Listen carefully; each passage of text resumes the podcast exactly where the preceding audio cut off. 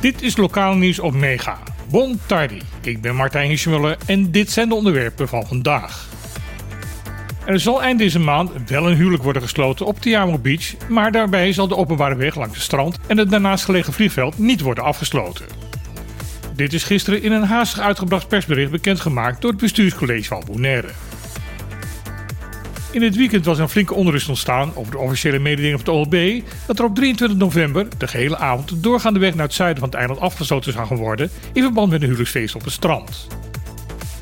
In het nu uitgebrachte persbericht zegt het bestuurscollege dat dit op een misverstand berust waar excuses voor wordt aangeboden. Hoe dit misverstand heeft kunnen ontstaan, hoe een herhaling ervan voorkomen gaat worden, vermeldt het persbericht niet. Beachtennis is een sport die in een paar jaar tijd mateloos populair geworden is op Bonaire. Een aantal jaren geleden begon het met een veld op de plek waar nu Sokoko Beach Resort ligt.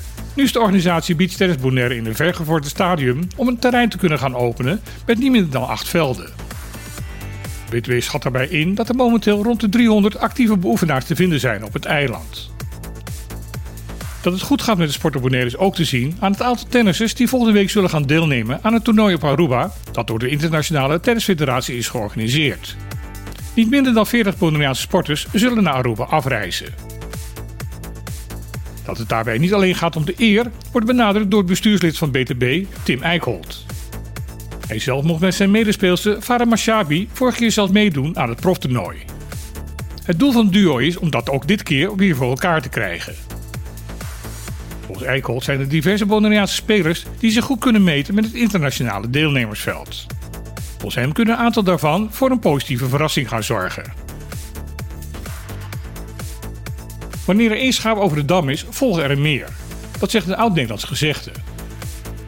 Nadat de afgelopen weken duidelijk werd dat na 13 jaar voor de eilanden Bonaire, Sint-Eustatius en Saba 1 juli 2024 een officieel sociaal minimum zal worden ingevoerd, blijken ook de Caribische landen Aruba en Curaçao daar belangstelling voor te hebben. Demissionair minister Carole Schout van Armoedebeleid heeft bekendgemaakt dat ze daarover een gesprek heeft gevoerd met de betrokken ministers van deze twee eilanden. Volgens de officiële schatting leeft op Curaçao ruim 30% van de bevolking onder de armoedegrens. Maar deskundigen zijn ervan overtuigd dat de werkelijkheid nog veel ernstiger is.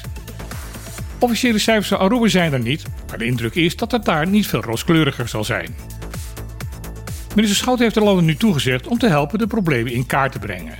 Het ziet er daarom naar uit dat commissie Todé, die het onderzoek voor de Besteilanden heeft uitgevoerd, voorlopig nog niet werkloos zal zijn. Deze week houdt de Dutch Caribbean Corporation of Airports voor de tweede keer haar jaarlijkse conferentie. Het thema dit jaar is The Flight to the Future. De DCCA is een samenwerking van de zes airports binnen het Caribisch deel van het Koninkrijk. Gisteren was een presentatie over de testen die momenteel worden uitgevoerd in het Nederlands-Caribisch gebied betreffende hybride luchtvaart.